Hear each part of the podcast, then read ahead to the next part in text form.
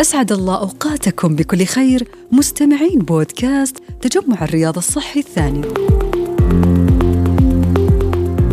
العيش بشكل جيد مع مرض الكلى هو شعار العام 2021 واليوم في هذه الحلقة نسلط الضوء أكثر على أهمية صحة الكلى وأيضا الإدارة الفعالة لأعراض مرضى الكلى وتمكين المريض من التعامل بفاعلية مع هذا المرض. للحديث حول هذا الموضوع نستضيف الدكتور فهد العنقري طبيب الكلى بمركز الملك سلمان لأمراض الكلى. أهلا وسهلا فيك دكتور. حياكم الله.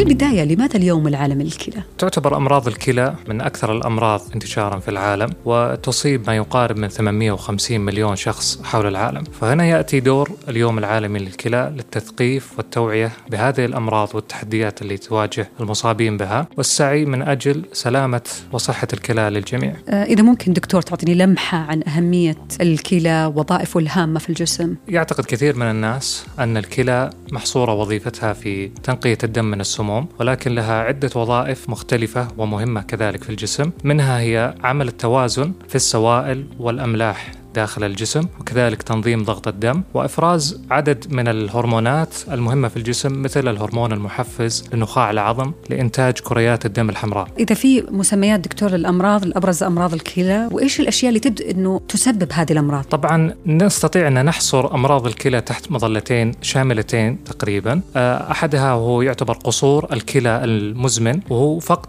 لوظائف الكلى تدريجي على فترة طويلة من شهور إلى سنوات. والقسم الآخر أو النوع الآخر وهو القصور الكلى الحاد. يكون فقط لوظائف الكلى بسرعة في فترة قصيرة من ساعات إلى أيام. وكلا هالنوعين إذا تطور إلى مراحل متأخرة يعتبر أو ما يسمى بالفشل الكلوي. يعني ممكن توصل لفشل كلوي لكن بعد مراحل. أي نعم إذا وصل إلى مرحلة متأخرة وفقد كثير من وظائف الكلى. طيب شلون أنا أقدر أتعرف وأنا في, في خلال مثلا هذه علامات القصور اللي ممكن توصلني لا قدر الله للفشل؟ شلون أنا أقدر أتعرف عليها قبل لا أوصل هالمرحلة؟ طبعا بنعرج على هذه ولكن قبلها نبغى بس نذكر أهم الأسباب آه. لأمراض الكلى. فبالنسبة لقصور الكلى المزمن أهم سببين منتشرين في العالم هو مرض السكري وارتفاع ضغط الدم ويشكل مرض السكري ثلث المصابين بمرض الكلى المزمن أو قصور الكلى المزمن. أما بالنسبة لقصور الكلى الحاد فهو إما يكون بسبب فقد كبير للسوائل أو نزيف حاد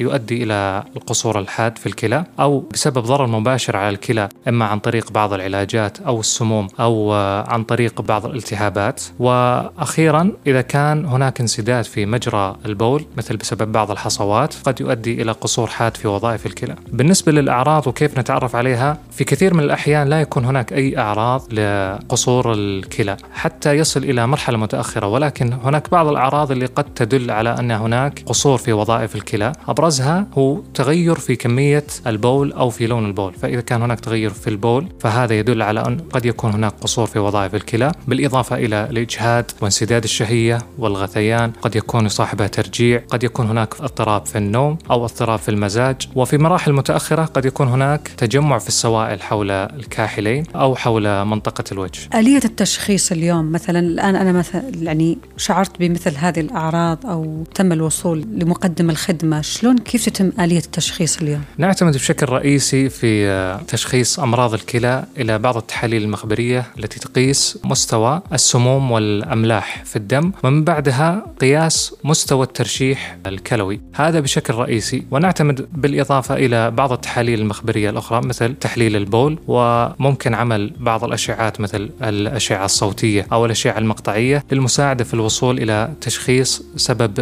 مرض الكلى. ما مدى أهمية اليوم دور الأسرة والمجتمع في دعم مرضى الكلى. للأسرة وللمجتمع دور كبير وهام في مساعدة ودعم مرضى الكلى. نستطيع نحصر دور الأسرة في عدة أمور. أولها هو الدعم الاجتماعي وهو يتمحور حول مساعدة المريض على عيش حياته اجتماعيا بشكل طبيعي ومساعدته من نواحي الأمور المالية أو توفير العلاج ووصوله إلى الخدمات العلاجية. بالإضافة إلى الدعم النفسي وهو دعم مهم جدا يمكن المريض من الاستمرارية على على العلاج وتلقي العلاج المناسب تشجيع المريض والتخفيف عنه ما يواجهه من الصعوبات في مرض الكلى. هذا كله من الدعم الهام والأساسي لمرض الكلى. يليه الدعم الغذائي مساعدة المريض في الحصول على الغذاء المناسب كذلك الدعم العلاجي في مساعدته خصوصا لكبار السن في أخذ العلاج ومتابعة علاجاتهم. آخر شيء وهو أعتبرها من أنبل الأشياء اللي قد يعملها أحد أفراد الأسرة